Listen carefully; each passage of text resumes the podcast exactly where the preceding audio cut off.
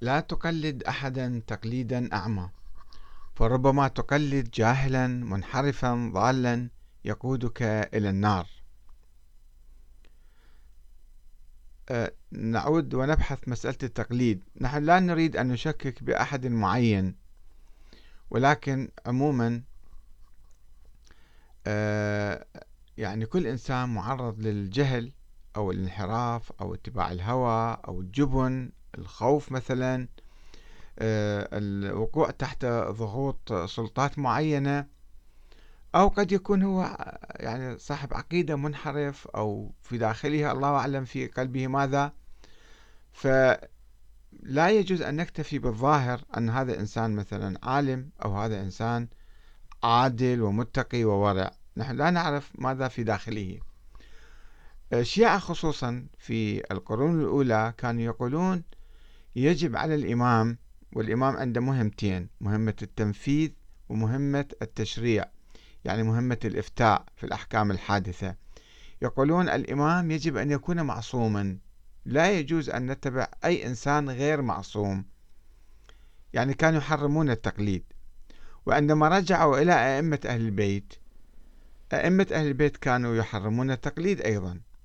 وبقي الشيعة في القرون الثلاثة يحرمون التقليد إلى أن جاء القرن الرابع وانقطعوا عن أئمة أهل البيت وبدأت المرحلة الأخبارية. الأخباريون حتى اليوم لا يجيزون التقليد.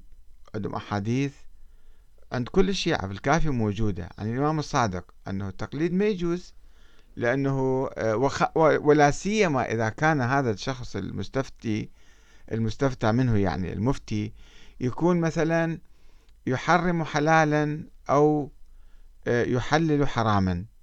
وهذا موجود في عند السنة وعند الشيعة. كثير من العلماء يفتون بفتاوى عجيبة غريبة. مخالفة للقرآن مخالفة للعقل مخالفة للعلم مخالفة للذوق الذوق الإنساني والفطرة الإنسانية. ولا أريد أن أضرب أمثال الآن حتى لا أعكر مزاجكم.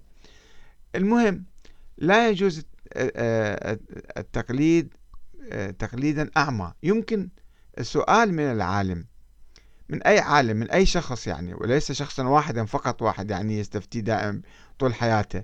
أي مسألة يمكن أنت تسأل أي عالم وأطلب منه الدليل. مو فقط يقول, لك بالنتيجة أفعل كذا لا تفعل كذا. قل له لماذا؟ إذا قال لك مثلا صلاة الجمعة آه هذه مو واجبة. قل الله في القرآن الكريم يوجبها. أي واحد يقرأ سورة الجمعة يعرف أن صلاة الجمعة واجبة.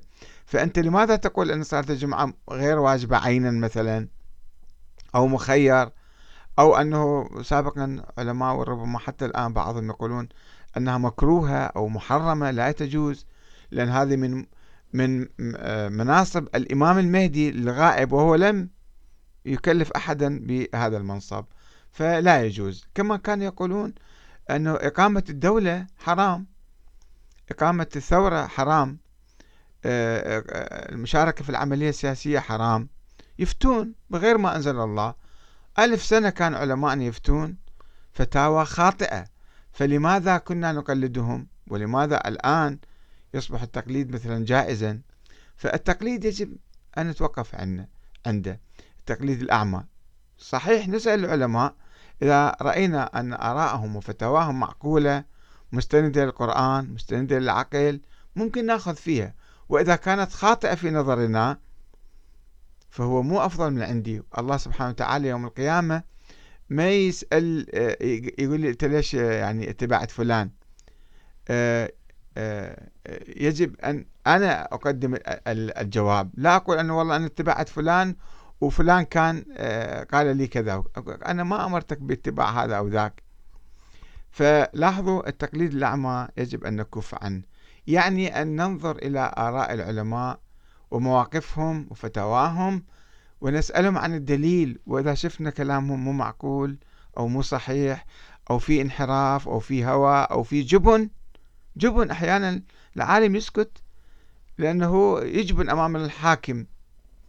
يخاف من الحاكم مثلا ويعطيك فتوى خاطئة فما يجوز تأخذ من عنده. الأخ منصور التركي يقول أحسن شيء تقليدك أو اتباعك. أنا لا أدعو إلى تقليدي أدعو إلى التفكير. أنتم انظروا في كلامي إذا كان كلامي صحيح أخذوه وإذا كان كلامي خطأ لا تأخذوا أنا أنا أحرم التقليد حتى على نفسي. لا أقبل أنا لا أقلد أحدا ولا أسمح لأحد أن يقلدني تقليدا أعمى. إنما أنا أقول كلام وعندي أدلتي وبراهيني وكلامي.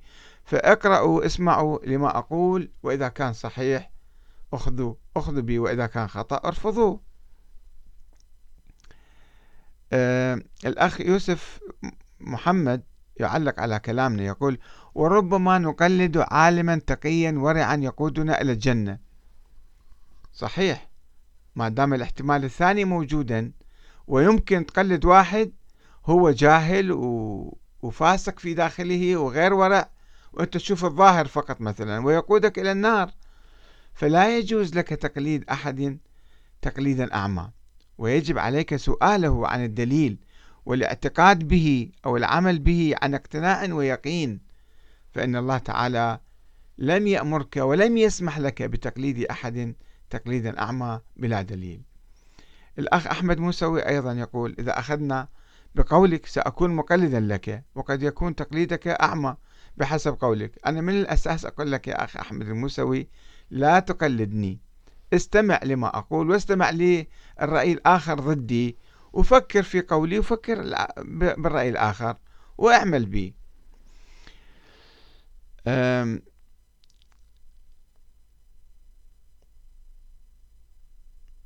الأخ حارث فيصل الفضلي يقول أستاذ أحمد حبذا لو توجز لنا أصل التقليد وعلى ماذا استند ومتى ظهر ومنكم نستفيد وشكرا؟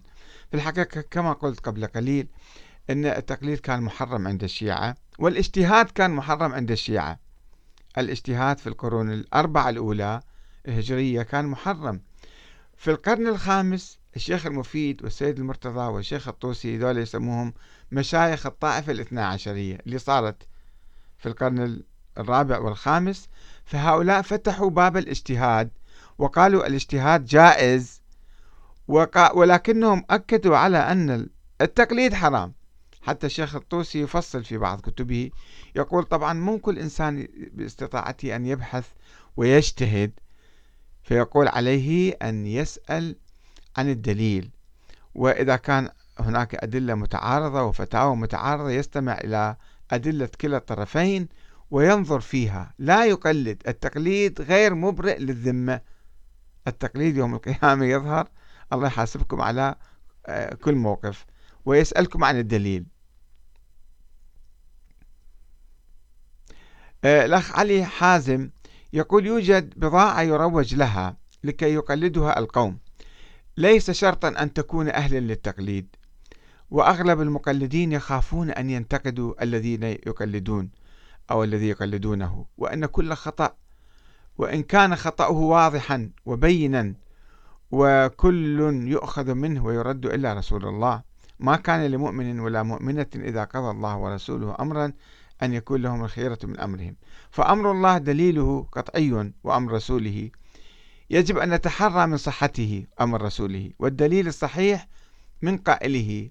لأن الذين يسترزقون بالدين كثيرون كما قال الله تعالى ويجعلون رزقهم أنهم يكذبون سلمان أحمد النوري يعقب على كلام الأخ حازم يقول له آه لقد أمرنا الله بطاعة أوامره من خلال كتابه الكريم ورسوله فقط ولكن رجال الدين لا سلطان لهم علينا إلا أنهم رجال دين وذوي اختصاص في الفقه. هذا إذا كانوا فعلا مجتهدين. كثير من الناس يقلدون مجتهدين عن النص عن الربع مو مجتهدين مطلق بصورة مطلقة. يعني آه، في أصولهم في قواعدهم في تاريخهم في عقائدهم هم مقلدين. آه، آه، يقول لا سلطان لهم علينا إلا أنهم رجال دين وذوي اختصاص في الفقه والتفسير وغير